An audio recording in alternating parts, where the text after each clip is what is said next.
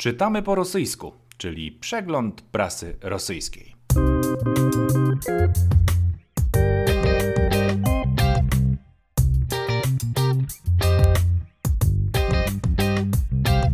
Zapraszają Bartosz Gołąbek i Marcin Strzyżewski.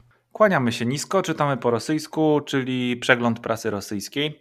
E, Dzisiaj jest e, 1 marca, a my będziemy komentowali to, co wydarzyło się w tygodniu ósmym. Ja nazywam się Bartosz Gołąbek, a ze mną jest Marcin Strzyżewski, dzień dobry Państwu. Dzień dobry, witamy serdecznie i y, zacznijmy może Marcin od wyjaśnienia sprawy pomnika na Placu Ubiańskim w Moskwie, bo to był ostatnio y, Twój temat, który Ciebie zainteresował.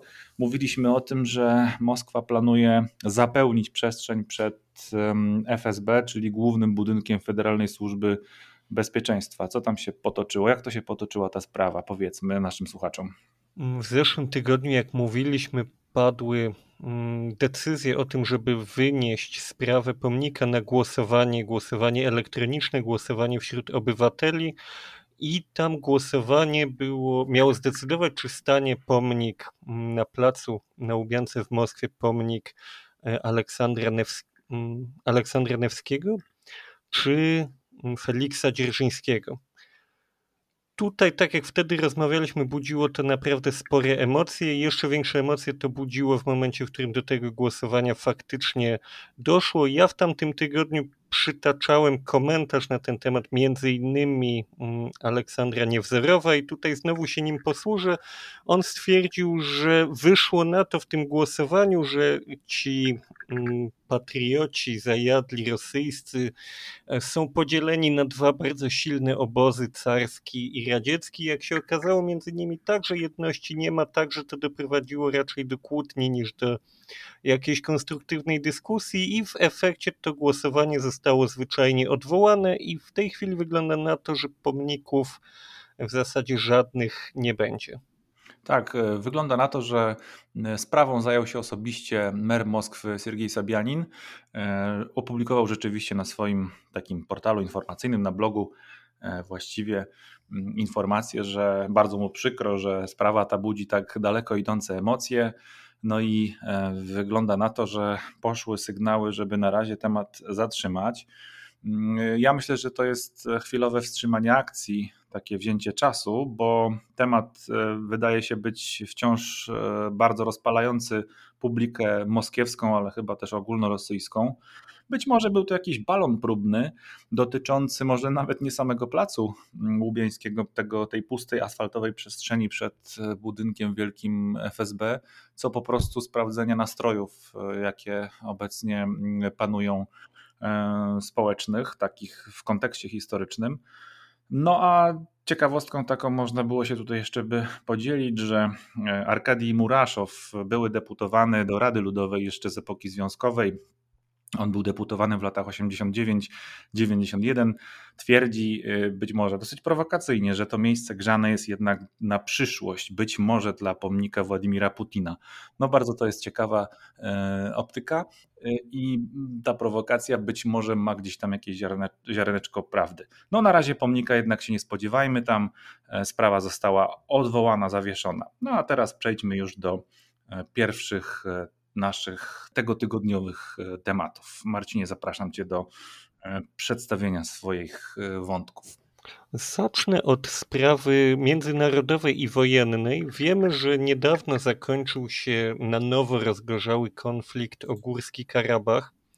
Jak wiecie, na pewno wszyscy tam się ze sobą walczyły dwie strony, Armenia i Azerbejdżan. Armenia jest formalnie sojusznikiem Rosji i do Armenii było dostarczane w ostatnich latach dość sporo rosyjskiego uzbrojenia. To nie pomogło Armenii w tym konflikcie. Armenia ostatecznie te, ten etap walk o Górski Karabach, bo jest bardzo możliwe, że to nie jest ostateczny rozdział tego konfliktu, ale ten etap ona przegrała. Pojawiły się różne dyskusje na ten temat już wewnątrz Armenii i tutaj padło padła wypowiedź Nikola Paszyniana, czyli premiera Armenii, który publicznie skrytykował systemy rakietowe Iskander. dobrze znane także w Polsce, bo Polacy się, są straszeni, że tak to ujmę, tymi systemami znajdującymi się w okręgu kaliningradzkim, które no są to pociski rakietowe o dość dużym zasięgu, dość dużych możliwościach, jeśli chodzi o przenoszenie różnego typu głowic, w tym także nuklearnych. W każdym razie Paszynian, premier Armenii, stwierdził, że te pociski zwyczajnie nie trafiają w cele. Według Rosji to jest broń wysoko precyzyjna, a tam padły takie stwierdzenia, że one nie były w stanie trafić nawet w lotnisko przeciwnika, które musimy się zgodzić jest celem dość dużym.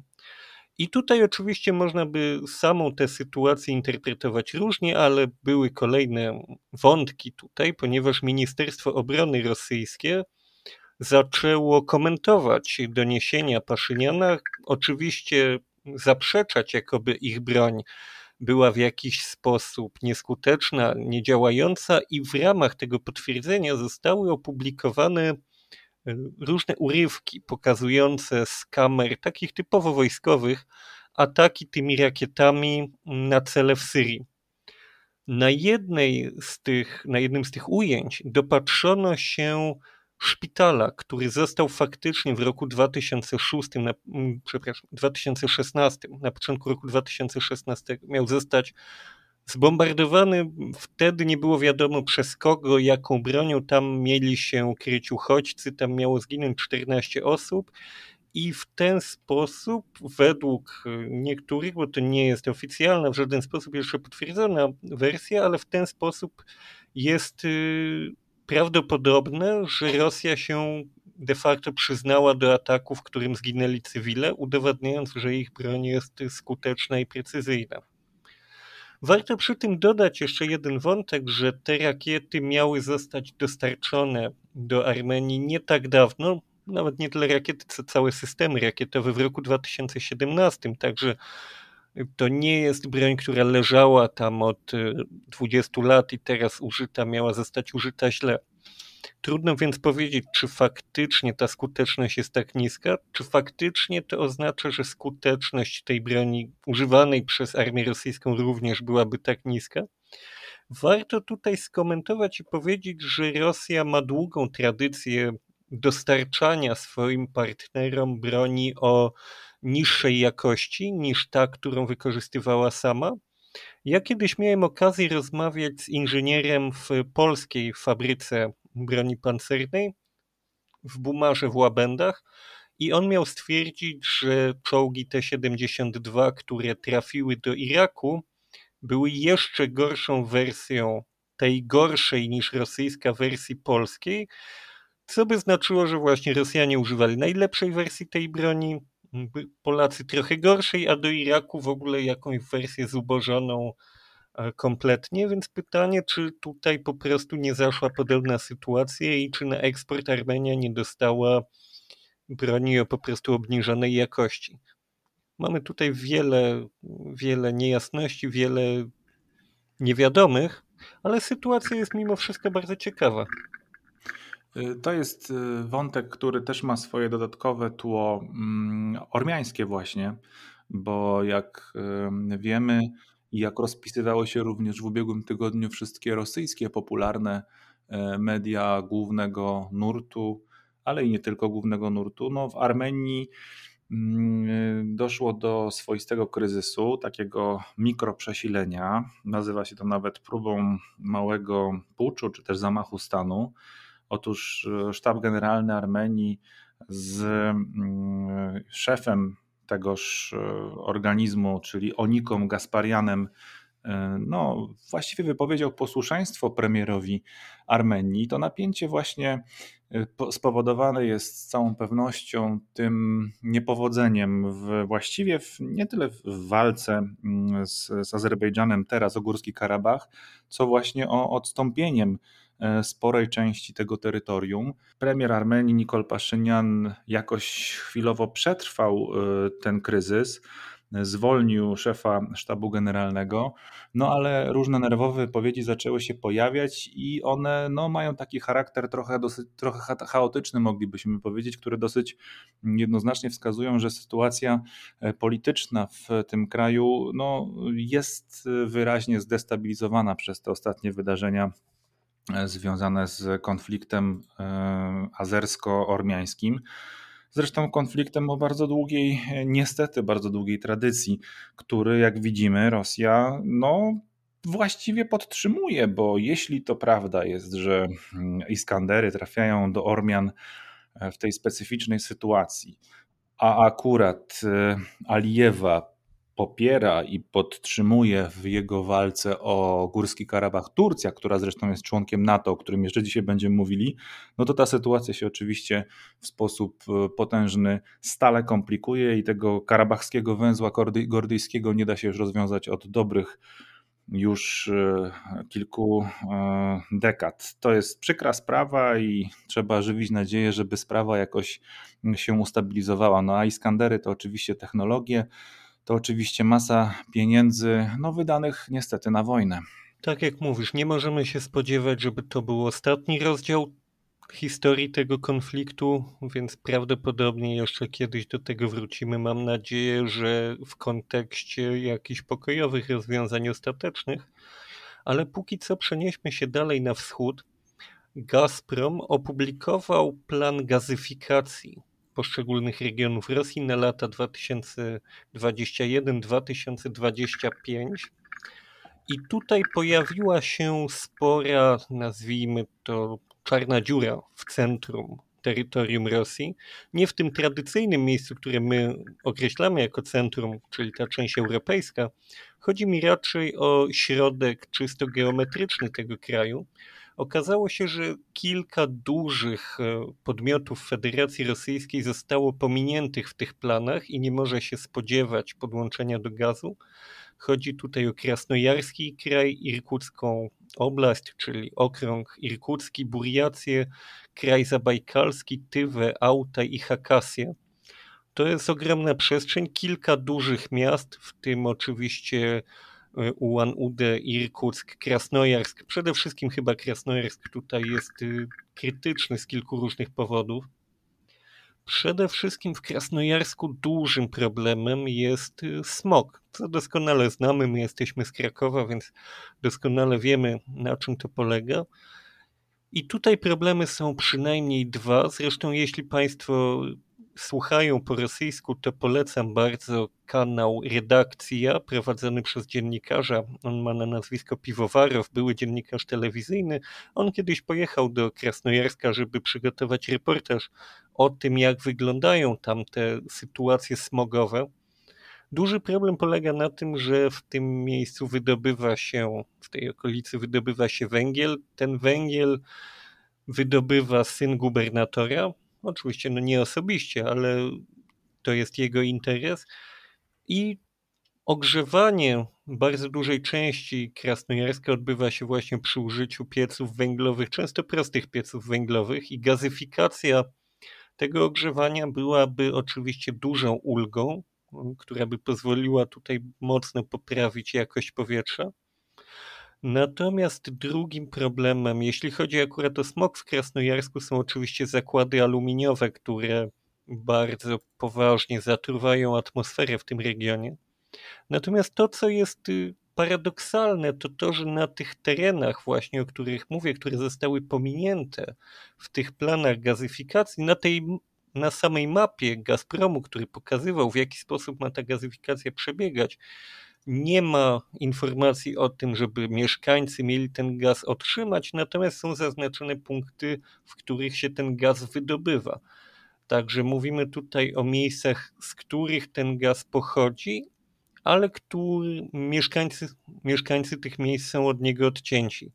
To jest dość duży paradoks i z drugiej strony jest to dość jasne, skąd to się bierze i czemu to służy, ponieważ oczywiście gaz jest towarem eksportowym i to bardzo ważnym dla rosyjskiego budżetu, co można by stwierdzić, że ten eksport gazu jest ważniejszy niż mieszkańcy tego kraju i to jest chyba dość przykre. Taki paradoks y, kolejny, o którym mówimy tutaj w kontekście mm, Federacji Rosyjskiej. Rzeczywiście Nowa Gazeta zwróciła uwagę jak zacytowałeś właśnie na ten gazaprawod mimo Sibiri. Taki tytuł nosi ten tekst Andrzeja, przepraszam, Aleksieja Tarasowa z 26 lutego. No, mapa pochodzi rzeczywiście z oficjalnej strony Gazpromu. Podamy adres Gazprom map pisane razem.ru. Można tą mapę zobaczyć i zatytułowana jest w taki sposób. Program gazyfikacji regionów Rosji na lata, uwaga, 2021-2025, czyli program gazyfikacji regionów Rosji na najbliższe e, czterolecie. Taka najbliższa czterolatka, można byłoby rzec, i mapa rzeczywiście wygląda, jakby się w pewnym momencie urywała, bo e, centralny pas, Syberia rzeczywiście jest zupełnie opustoszała, jeśli chodzi o ten wymiar gazyfikacyjny. Tu nawet nie próbowano kombinować jakimiś niteczkami małymi, rysować mm, jakichś e, e, tych rurociągów, które mogłyby dostarczyć gaz do tych e, zadymionych miejscowości, takich jak mówiłeś przed momentem, jak Krasnojarsk. Zastanawiam się nad e, powodami, oprócz tego pierwszego, który jest dosyć oczywisty, zupełnie słusznie wydaje się, że wskazałeś na prostą rzecz. To jest towar eksportowy. On na rynku wewnętrznym nie przynosi zysków. To jest jedna kwestia. A druga kwestia wydaje mi się taka dosyć okrutna z punktu widzenia państwa, z punktu widzenia Moskwy, mówiąc precyzyjniej. No po prostu ten region nie jest specjalnie intensywnie zaludniony. Tam nie ma jakiegoś intensywnego e, ruchu, który mógłby pobudzić politycznie kolejne masy ludzkie. Sam Krasnojarsk, no dobrze, to miasto, tak zwany milionnik, około miliona mieszkańców, ale region, gigantyczny region, naprawdę potężne przestrzenie, to jest raptem 3 e, E, miliony mieszkańców. Wydaje mi się zresztą, że te dane też są już na dzisiaj mocno przeszacowane. Poczekajmy, znaczy nie spodziewałbym się oficjalnie jakichś e, statystyk, które by zaniżały te, znacząco te wyniki, ale jednak wydaje mi się, że e, obywateli Federacji Rosyjskiej, którzy zamieszkują to terytorium, no jest naprawdę e, no, zupełnie niewielu, nawet jeśli porównamy to z Wielką Moskwą, no to będzie to pewnie dwie może dzielnice średniej wielkości moskiewskie. To jest wszystko, co e, możemy tam e, wyliczyć. No i w związku z tym no nie ma co się tutaj przeinwestowywać. Gaz powinien płynąć szerokim strumieniem na zachód, czyli tam, gdzie leży pieniądz, a na pewno tak, ewentualnie do Chin. Tak, ewentualnie w drugą stronę, no ale tutaj jakby też patrzę na tą mapę, nie widzę tego jakoś zupełnie szczegółowo. Mm, Chiny oczywiście gdzieś tam delikatnie są pewnie zaznaczone, ale wciąż najbardziej gęsta siatka to jest ta, nazwijmy to jednak praktycznie cała europejska część Rosji, tutaj do okręgu Jamało-Nienieckiego, czyli właściwie tomskiej, mm, okręgu tomskiego, e, obwodu kemerowskiego i tutaj na południu Republiki Altaj. E, przy czym e, no, warto tutaj to odnotować właśnie, że no cóż, Moskwa przecież czerpie potężne zyski z tego, że e, gaz, który gdzieś zawsze koło ropy naftowej funkcjonuje, jest pompowany mm, z niegazyfikowanego i w ogóle nieplanowanego w tych, w tych relacjach gazyfikacji regionu. Niestety. I nie, nie, nie należy sądzić, żeby coś w najbliższych latach się tutaj zmieniło, więc oni dalej będą palić węglem, dalej oddychać tym powietrzem i prawdopodobnie dalej się wyludniać. Chociaż śpią na gazie. Chociaż śpią na gazie.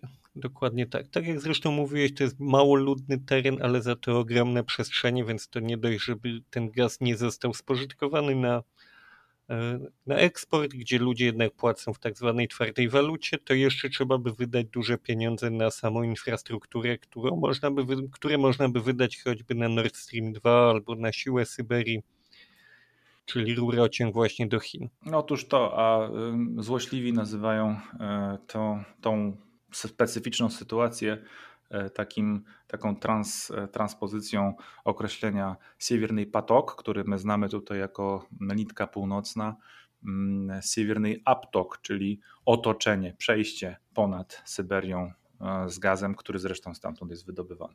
Przejdźmy teraz do małego skandalu w służbach mundurowych. Okazuje się, że w Rosji także się zdarzają różne obyczajowe przypadki, różne małe i większe skandale. Tutaj będziemy mówić o Rosgwardii, co samo w sobie jest ciekawe, bo sama ta służba jest interesującym, dość nietypowym E, nietypową formacją, ale o tym za chwilę. Po 11 latach w służbach mundurowych, sama Rosgwardia nie istnieje pod tą nazwą tak długo, odchodzi Anna Chramcowa, która została okrzyknięta jakiś czas temu najpiękniejszą funkcjonariuszką Rosgwardii, co jest ciekawe, bo to nie jest mm, tytuł, który wziął się znikąd. Tam faktycznie w tych wojskach wewnętrznych, bo Rosgwardia to jest po prostu nowe wcielenie wojsk wewnętrznych Federacji Rosyjskiej, y, odbywał się konkurs piękności, który ona wygrała w roku 2019 Pani miała relacjonować, że właśnie po wygraniu tego konkursu zaczęły się różne problemy w jej służbie, różna zazdrość, różne propozycje niedwuznaczne. Tam ona twierdzi, że nie chciała być, cytuję, ozdobą jednego z naczelników, w związku z czym została z, po jakimś czasie mm, wyrzucona ze służby pod pretekstem tego, że nagrała na Instagram, na Instagrama wideo, na którym pokazała fragment pomieszczenia służbowego. W tej chwili pani dopomina się miliona rubli zadośćuczynienia i przywrócenia jej do służby. I to jest ciekawa sytuacja także dlatego, że ogólnie ostatnio te mm, formacje policyjne w Rosji nie cieszą się szczególnym poważaniem. Po tych styczniowych protestach raczej ludzie nie przepadają przynajmniej tak obserwuję, zwłaszcza za Rosgwardią, do której w tej chwili należą oddziały tak zwanego OMON-u. Także jest to dodatkowy kamyczek do ich ogródka. Mm, warto powiedzieć, że podobnych sytuacji, może nie dokładnie takich, ale ogólnie nieprzyjemnych, czasem skandalicznych sytuacji z Rosgwardią od czasu do czasu mm, takie sytuacje wypływają do mediów. Jestem ciekaw, jak to będzie rozliczane w przyszłości, jak sobie Rosja poradzi z takim tworem jak Rosgwardia, kiedy ten system putinowski w końcu, bo tego typu systemy nie trwają wiecznie, co się stanie z tymi wszystkimi ludźmi? Bo przypomnijmy, że te wojska wewnętrzne są siłą w zasadzie policyjną, uzbrojoną częściowo w sprzęt wojskowy, która jest bardziej liczna niż siły lądowe Federacji Rosyjskiej. Ja osobiście jestem bardzo, bardzo lubię obserwować ten twór, bo jest bardzo ciekawym, nietypowym tworem mundurowym, nietypową formacją. Może się okazać, że nawet y, niebezpieczną dla samego państwa, bo mm, w pewnym momencie może się okazać, że e, ten ogon zacznie machać psem oby to się nie ziściło, ale rzeczywiście masz rację, że to jest bardzo interesująca koncepcja, chociaż ona ma już swoją tradycję w przestrzeni y, wschodu. Ci, którzy badali konstrukcję Rosgwardii, y, próbowali odszukiwać w tej sprawie różnych analogii w przeszłości, no i doszło do tego, że w XVI wieku, w połowie XVI wieku, coś podobnego stworzył już pierwszy car Rosji, Iwan IV, e, zwany Groźnym. Była to oprycznina.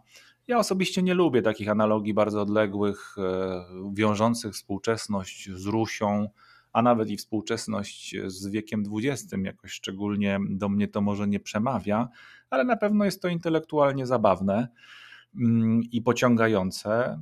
I byłoby zabawne w ogóle, gdyby nie było e, dosyć smutne i przerażające, bo cyfry, o których mówisz, czyli ta potęga, która jest właściwie kierowana na operacje wewnętrzne, głównie jednak przeciwko demonstracjom, tak się przynajmniej wydaje, bo jakiegoś takiego większego i wyższego celu istnienia dodatkowej służby mundurowej w Rosji, tak bardzo dobrze wyposażonej i finansowanej oczywiście z budżetu państwa, no chyba jednak nie było trzeba konstruować. No to jest kilkaset tysięcy funkcjonariuszy. Ja rozumiem, że na przykład zagrożenia terrorystyczne także istnieją, ale no, trudno mi sobie wyobrazić, żeby wymagały istnienia tak potężnej formacji. Nie wydaje się, żeby to zagrożenie było aż tak istotne w tej chwili. No, no właśnie i, i, słusznie też dostrzegasz ten wątek, bo jeśli byśmy nawet przyjęli, że to zagrożenie terrorystyczne jest takie wciąż e, wysokie, no to mm, przecież ta Rosgwardia została założona raptem w 2016 roku i ci najwięksi krytycy mm, e, prezydentury Władimira Putina i w ogóle systemu, który się wokół Władimira Władimirowicza w Rosji utworzył, są zdania, że właściwie to jest jego służba specjalnie założona na jego potrzeby, jego w jakimś sensie bezpieczeństwo lub poczucie nawet bezpieczeństwa, które mm, wytwarza razem z jego znajomym, e, szefem tej organizacji, Wiktorem Zołotowem. Jego byłym ochroniarzem. Zresztą właśnie. Który zresztą ciekawostka stał na czołgu podczas słynnej przemowy Borysa Jelcyna w 91 i pilnował bezpieczeństwa. Tak, podczas puczu, podczas puczu moskiewskiego. Zobaczymy rzeczywiście, jak ta historia Rosgwardii się potoczy, a artykuł, który odnalazłeś, on też ma bardzo ciekawy wymiar, e, który nas zbliża do przyszłotygodniowego święta, którym jest e, Dzień Kobiet, Międzynarodowy Dzień Kobiet, tak hucznie obchodzony wciąż w Rosji. E, a takich historii, że ktoś jest za ładny do służby i przynosi w związku z tym tej służbie same problemy, już poza samym kontekstem funkcjonowania tejże, mm, jest sporo na całym świecie, więc tutaj akurat mamy takie zahaczenie o, o wymiarze ogólnoludzkim, powiedziałbym. No a Rosgwardia, no warto obserwować jej ewolucję i jej poczynania, bo jest to rzeczywiście system dosyć specyficzny. Myślę, że możemy teraz przejść do Twoich tematów.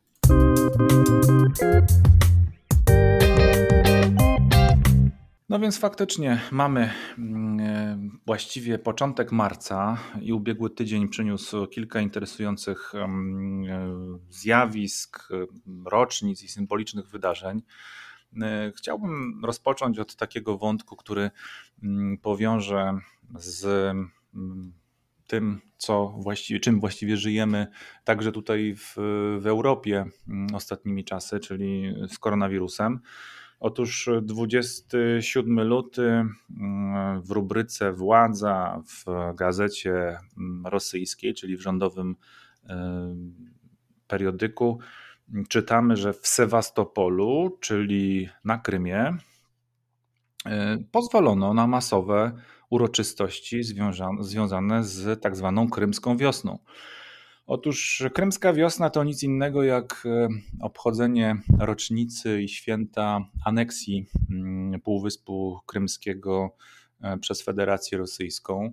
E, zbliżają się te mm, daty. Dokładnie 21 marca w 2014 roku prezydent Rosji e, podpisał ukaz, a w tych dniach, e, które, do których się zbliżamy, Krym był przestrzenią tego specyficznego referendum, które odbyło się właśnie przed samymi wydarzeniami związanymi z wchłonięciem przez Rosję półwyspu. No i mamy sytuację koronawirusową, dużo ograniczeń w Rosji również i wyjątek.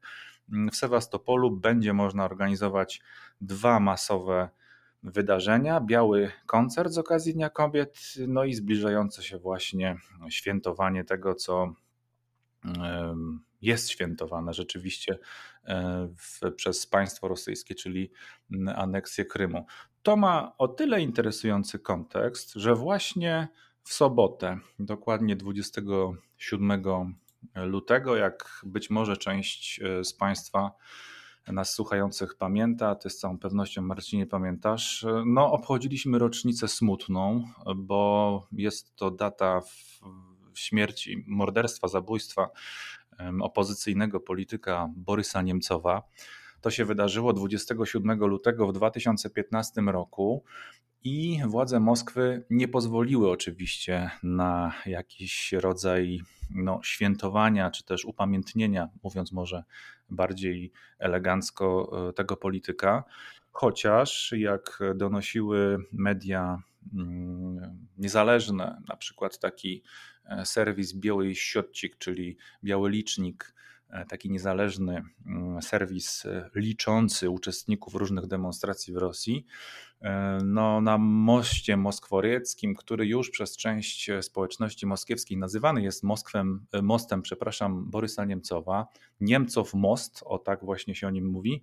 No, przyszło na ten most w miejsce, mm, w którym znaleziono ciało zamordowanego polityka około 10 tysięcy osób, wyobraź sobie Marcinie, składając tam kwiaty, fotografie. Oni tam oczywiście nie weszli jednorazowo, tylko przez cały dzień docierali falami.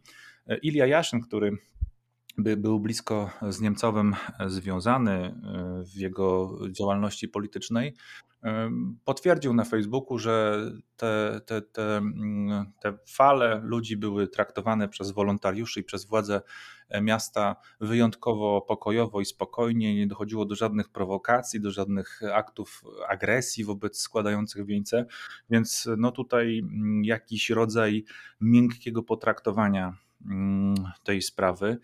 No przypomnijmy, że zabójstwo Niemcowa w ogóle związane jest, e, przynajmniej tak uważają ci, którzy najbliżej tego tematu byli, z ostatnim śledztwem Borysa Niemcowa, które zaowocowało, to już po jego śmierci, takim raportem zatytułowanym Putin wojna. Chodziło oczywiście o zaangażowanie rosyjskich wojsk w operację właśnie tak zwaną um, wiosnę rosyjską, ruska wiosna, która miała miejsce tuż po aneksji Krymu w regionie Donbasu mm, i Ługańska.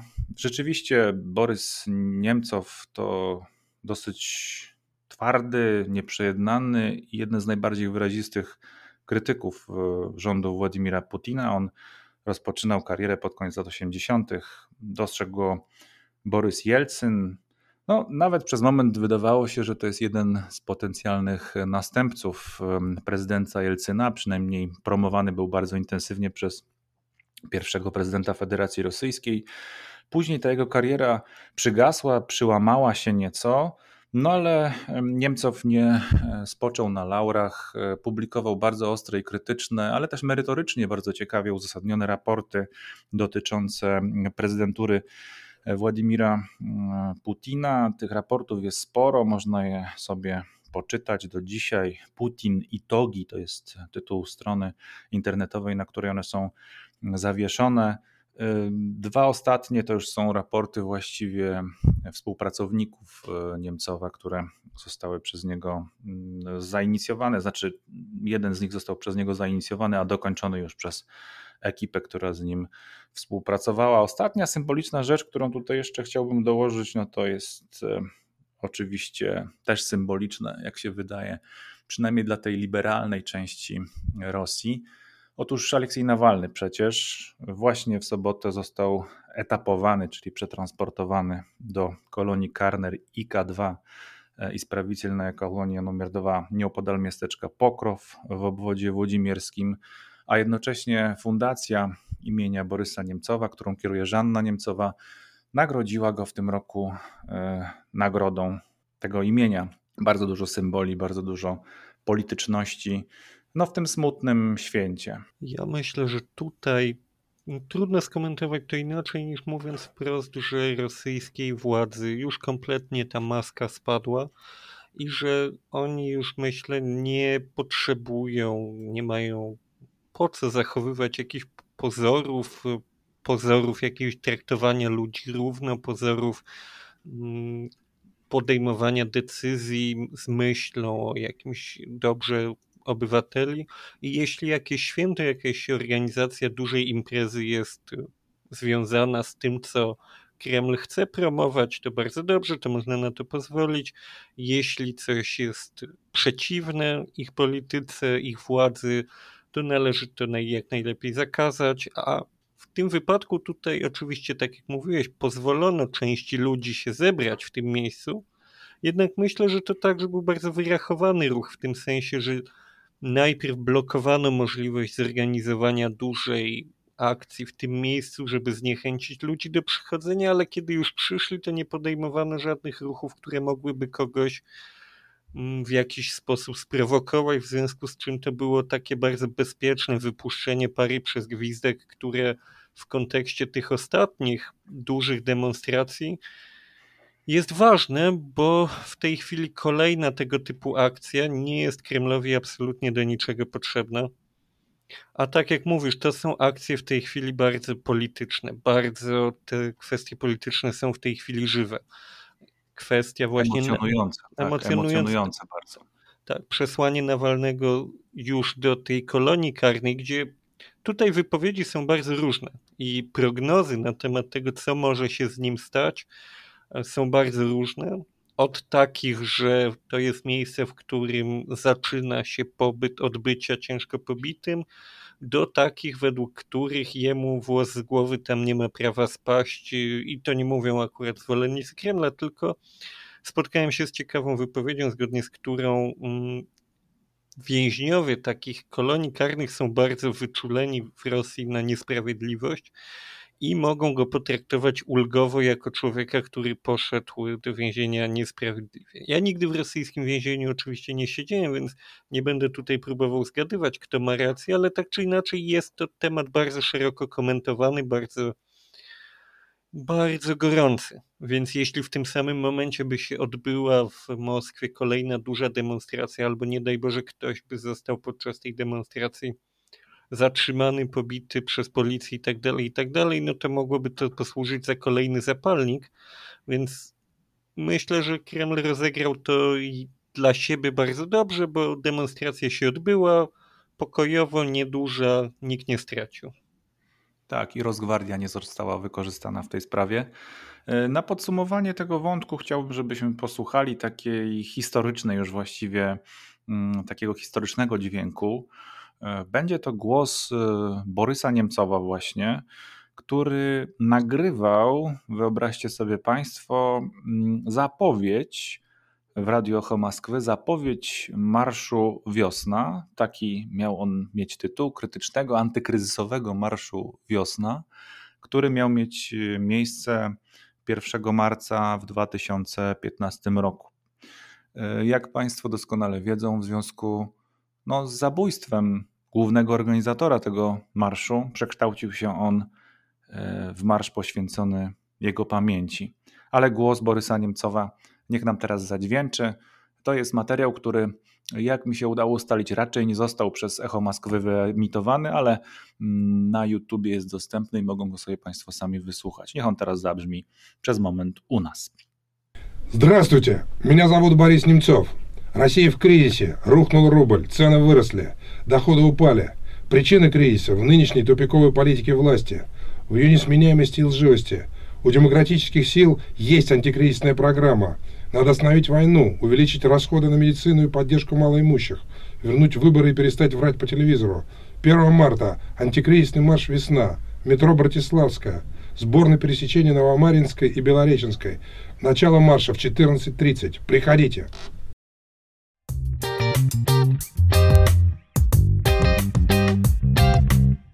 I kolejny wątek, który chciałbym podjąć, to jest również e, element związany z Krymem poniekąd. Mm, rozpoczęły się bowiem manewry NATO na Morzu Czarnym.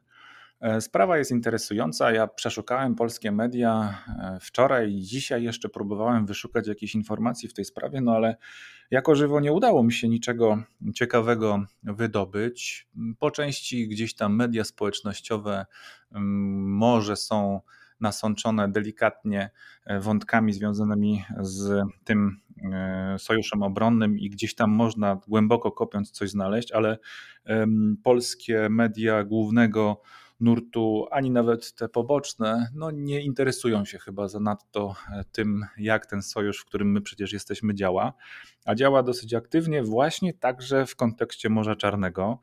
Mm, manewry, które się rozpoczęły, to są manewry o kryptonimie Poseidon 2021. Otóż e, z końcem ubiegłego tygodnia siły morskie sojuszu mm, rozpoczęły właściwie pierwszą w tym roku oficjalną misję. okręty drugiego stałego zespołu obrony przeciwminowej NATO wpłynęły na Morze Czarne, gdzie realizują misje i wspólne ćwiczenia, uwaga, z marynarką wojenną Ukrainy. Ten zespół natowski składa się z okrętów czterech bander tureckiej, rumuńskiej, bułgarskiej i hiszpańskiej e, i operuje tam właśnie z okazji, niejako z okazji właśnie aneksji Krymu, dając e, do zrozumienia, jak możemy to również w takim PR-owo e, społecznym wymiarze odczytywać Rosji, że NATO jest tam obecne i Ukraina wciąż blisko jest e, też trzymana w dobrej relacji z Sojuszem Północnoatlantyckim. Tak przynajmniej ma to wyglądać. Jak jest naprawdę, to inna kwestia. No, sprawa jest oczywiście bardzo delikatna, ale znacząca, bo ta manifestacja, raptem cztery okręty, no niewielkie, ale jednak operują i w bardzo określonych parametrach mają e, swoje zadania. No jest to manifestacja sprzeciwu wobec rosyjskiej nadmiernej, jak e, uważamy w NATO przynajmniej, obecności na Półwyspie Krymskim i w jego okolicach oczywiście.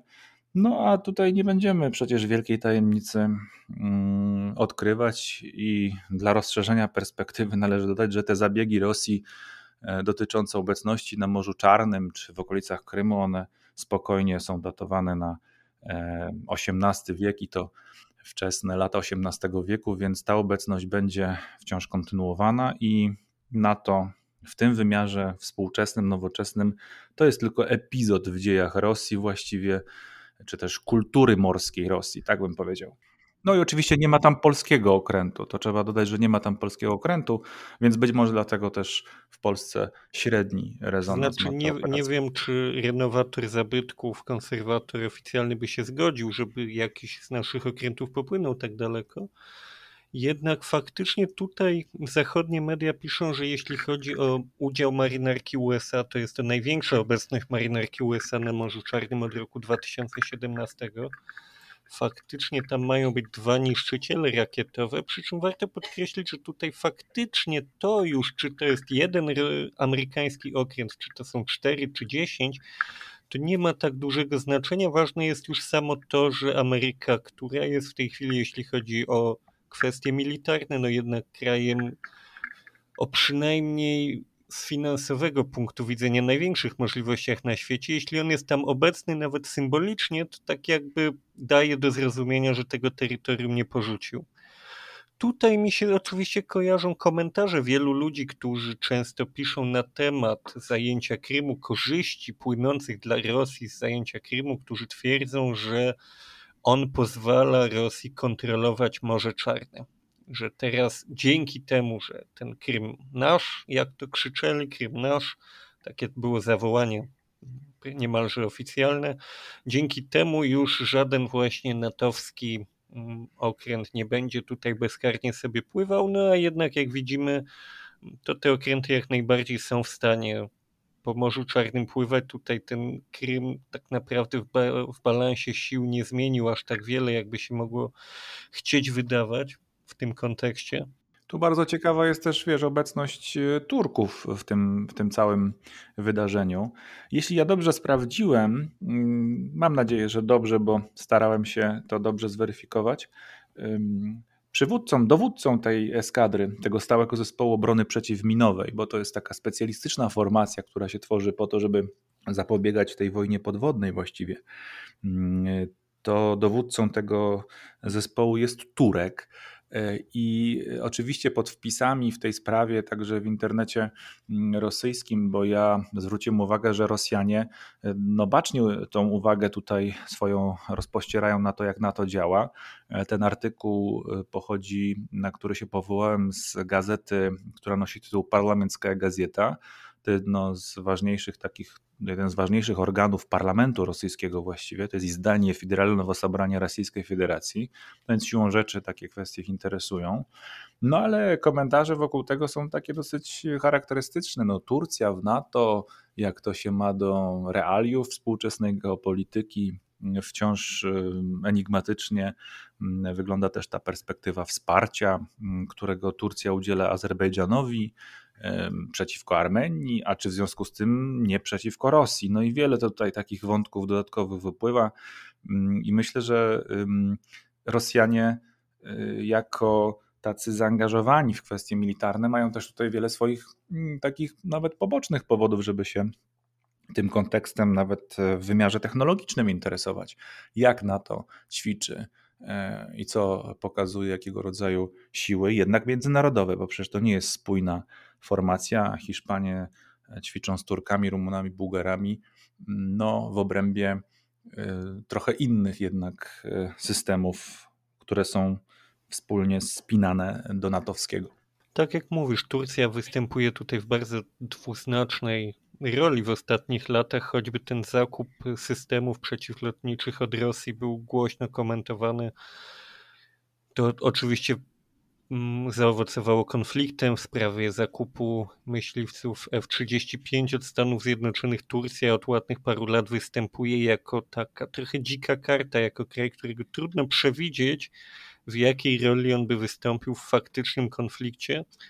I trudno tutaj jednoznacznie stwierdzić, czy ich udział w tych szkoleniach jest podkreśleniem dalszej jedności z państwami NATO, czy zupełnie rutynową kwestią, która tak naprawdę niczego nam nie mówi. Tutaj ciężko zgadywać. Trzymajmy kciuki za tą operację mm, morską, żeby sobie NATO wyćwiczyło dobrze procedury i żeby się dobrze skomunikowało i w pokojowej oczywiście formie, jeśli przyjdzie współpracować również z marynarką Federacji Rosyjskiej, to niech ta współpraca też tam się rozwinie.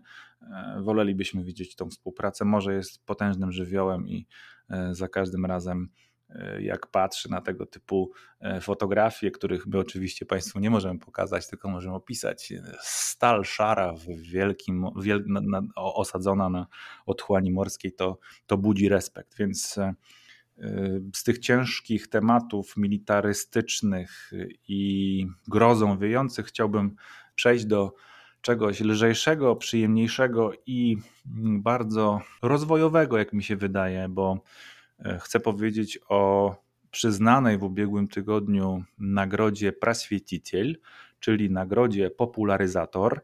Donosi o tej nagrodzie w dosyć obszernym tekście czasopismo Forbes rosyjskie. E, otóż e, Nagroda Praswieticiel jest e, konkursem, który zaprojektował i wymyślił szef i właściciel firmy Wympieł.com, Wiktor Zimin. Wiktor Zimin jest, znaczy był właściwie już, jest emerytowanym, można by rzec, właścicielem sieci komórkowej Beeline, pod, która działa pod marką Beeline w, właściwie w większości, w większej części Federacji Rosyjskiej. Mm, i jest jednocześnie dzisiaj szefem fundacji e, o jasno, brzmiącym, mm, jasno brzmiącej nazwie Zimin Foundation.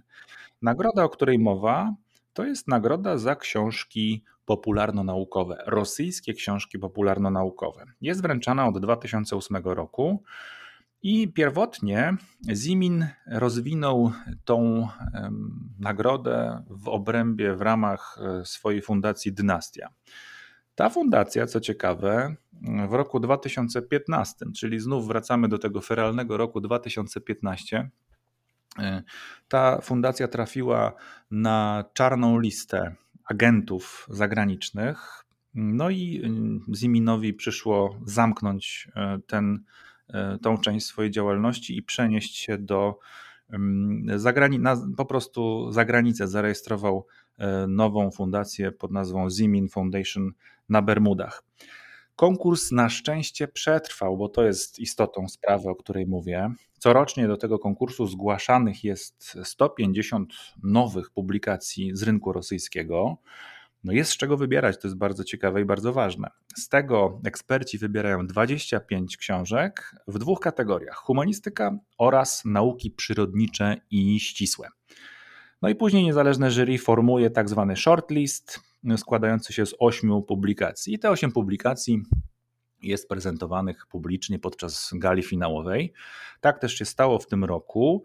No a tegorocznymi laureatami e, zostali Siergiej Czuprinin, znany rosyjski krytyk literacki, główny redaktor czasopisma Znamia i jego książka nosi tytuł Ottepel События Март 1953 Август 1968 года, czyli Odwilż, wydarzenia marca 53, sierpnia 68, a najlepszy tekst popularyzatorski, popularyzacyjny właściwie e, związany z kategorią nauki przyrodnicze i ścisłe otrzymał e, Nikołaj Kukuszkin za mm, Mm, książkę zatytułowaną Klaśnięcie jedną dłonią, chłopok adnoj ladoniu, jak nieżywa, nieożywiona e, przyroda mm, skonstruowała, czy też dała początek dla rozuma,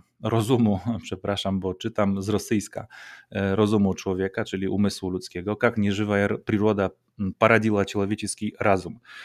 Co ciekawe, bo to jest też bardzo interesujące, specjaliści z Imina przygotowali bardzo interesujący format e, uroczystości tej gali oficjalnej. Otóż odbyło się w związku z tymi nagrodami przedstawienie teatralne, które, w które wpleciono przedstawienie nominacji i, i nagród. A aktorzy, którzy wystąpili w tym przedstawieniu, prezentowali takie role, które miały charakter takich pseudonaukowych, prezentacji takich pseudonaukowych przekonań i teorii spiskowych fake newsów, troszeczkę z takiej szuflady płaskoziemców, reptilian, prawda, wszelkich foliarzy, antyszczepionkowców i czego tam jeszcze, Uwielbiam. No czego tam sobie jeszcze nie wymyślisz. Tych wszystkich, którzy uważają, że sieć 5G podgrzewa wiesz, jajka w, w bagażniku samochodu jakichś z zakupów, więc bardzo ciekawie im to wyszło, muszę ci powiedzieć, to na YouTubie można sobie zobaczyć. No trochę być może mm, nasi słuchacze by to mogli sobie znaleźć i zestawić z takim ubiegłorocznym hitem Netflixa Death to 2020, GIN 2020. Tam też mm, takie postaci się pojawiły z wątpliwymi tezami naukowymi. Uważam, że ta nagroda jest bardzo ważna. Ona jest przede wszystkim ciekawa dla nas też, żebyśmy podejrzeli sobie rynek popularyzatorski w Rosji zobaczyli, jak tam rozwija się nauka. Dla mnie wielkim osiągnięciem samego Zimina jest to, że przetrwał kryzys y, w zasadzie polityczny, no bo wpisanie na listę agentów fundacji, która nagradza przecież rosyjskie dzieła, rosyjskie publikacje i rosyjskich autorów, no jest też chyba kolejnym na naszej liście paradoksów federalnych w Rosji. To, to tutaj ja zauważyłem inny paradoks, bo rodzina Ziminych to, jest, to są postaci dość ważne dla właśnie ruchu mm, ruchu społecznego w Rosji, bo to właśnie Boris Zimin był tym człowiekiem, który zafundował transport i leczenie w berlińskiej klinice Aleksieju e, Nawalnemu. To właśnie ta rodzina Ziminych wspiera, o czym Nawalny mówi bardzo otwarcie i od dawna. Oni mu zapewniają dużą część jego finansowania na jego działalność polityczną. Tak jak wspomniałeś, to są ludzie od firmy Beeline, także duża firma, duży biznes, ale tak jak też mówię, Nawalny tutaj nie, nie ukrywa tego. Natomiast tutaj też czytam, że ten spektakl, o którym wspomniałeś, reżyserował człowiek, który na co dzień jest producentem programu telewizyjnego Wiecierni Urgant. To jest taki talk show, byśmy powiedzieli, bardzo rozrywkowy. Bardzo popularny. Mainstreamowy. Tak, bardzo popularny. Bardzo popularny. Mhm.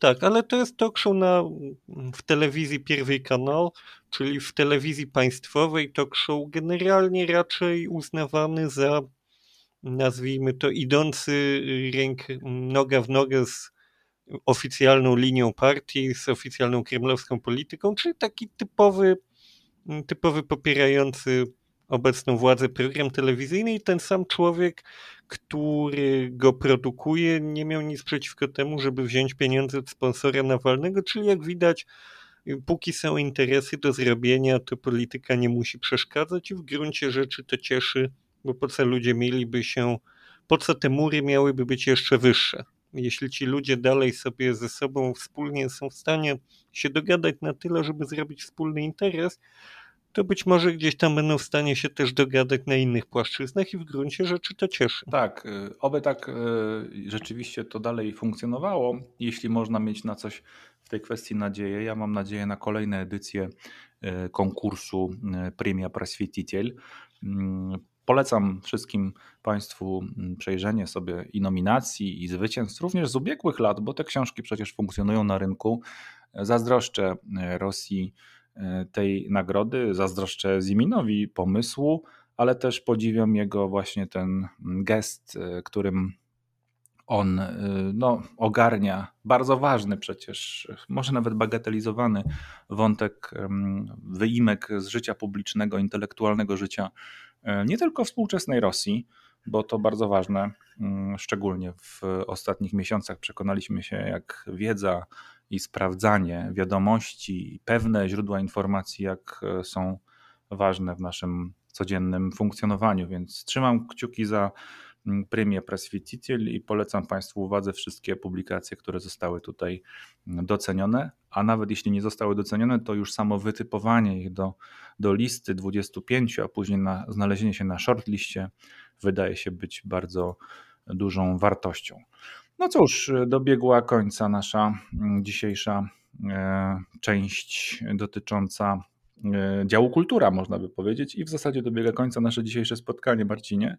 Przypomnę słuchaczom naszym, że jesteśmy dostępni na głównych e, platformach streamingowych. Można nas słuchać zarówno o 6 rano, jak i o 2 w nocy, o której sobie życzycie czy w samochodzie, czy w pociągu, mm, bo jesteśmy na stałe zawieszeni na tych platformach i od poniedziałkowego wieczoru, późnego wieczoru można kolejne odcinki naszych przeglądów prasy zatytułowanych Czytamy po rosyjsku słuchać. Ja chcę tylko Państwu jeszcze powiedzieć, że sprawdziłem sobie szybko, bo to klaśnięcie jedną dłonią, jedna z tych nagrodzonych książek bardzo mnie zainteresowała, ale niestety jeszcze nie widzę, żeby dostępne było tłumaczenie. Być może jeśli by się udało, to kiedy by się coś takiego pojawiło, to damy Państwu znać. Będziemy o tym na pewno starali się poinformować i w ogóle staramy się Państwa informować o tym, co jest e, na bieżąco w Rosji ważne ze źródeł, które są ogólnie dostępne. Także czytajcie też po rosyjsku. My czytamy dla Was po rosyjsku, za Was po rosyjsku po części i korzystając ze swojej wiedzy staramy się tą, tą rzeczywistość objaśniać. Życzę miłego odbioru mm, i do usłyszenia. Dziękujemy Wam za uwagę.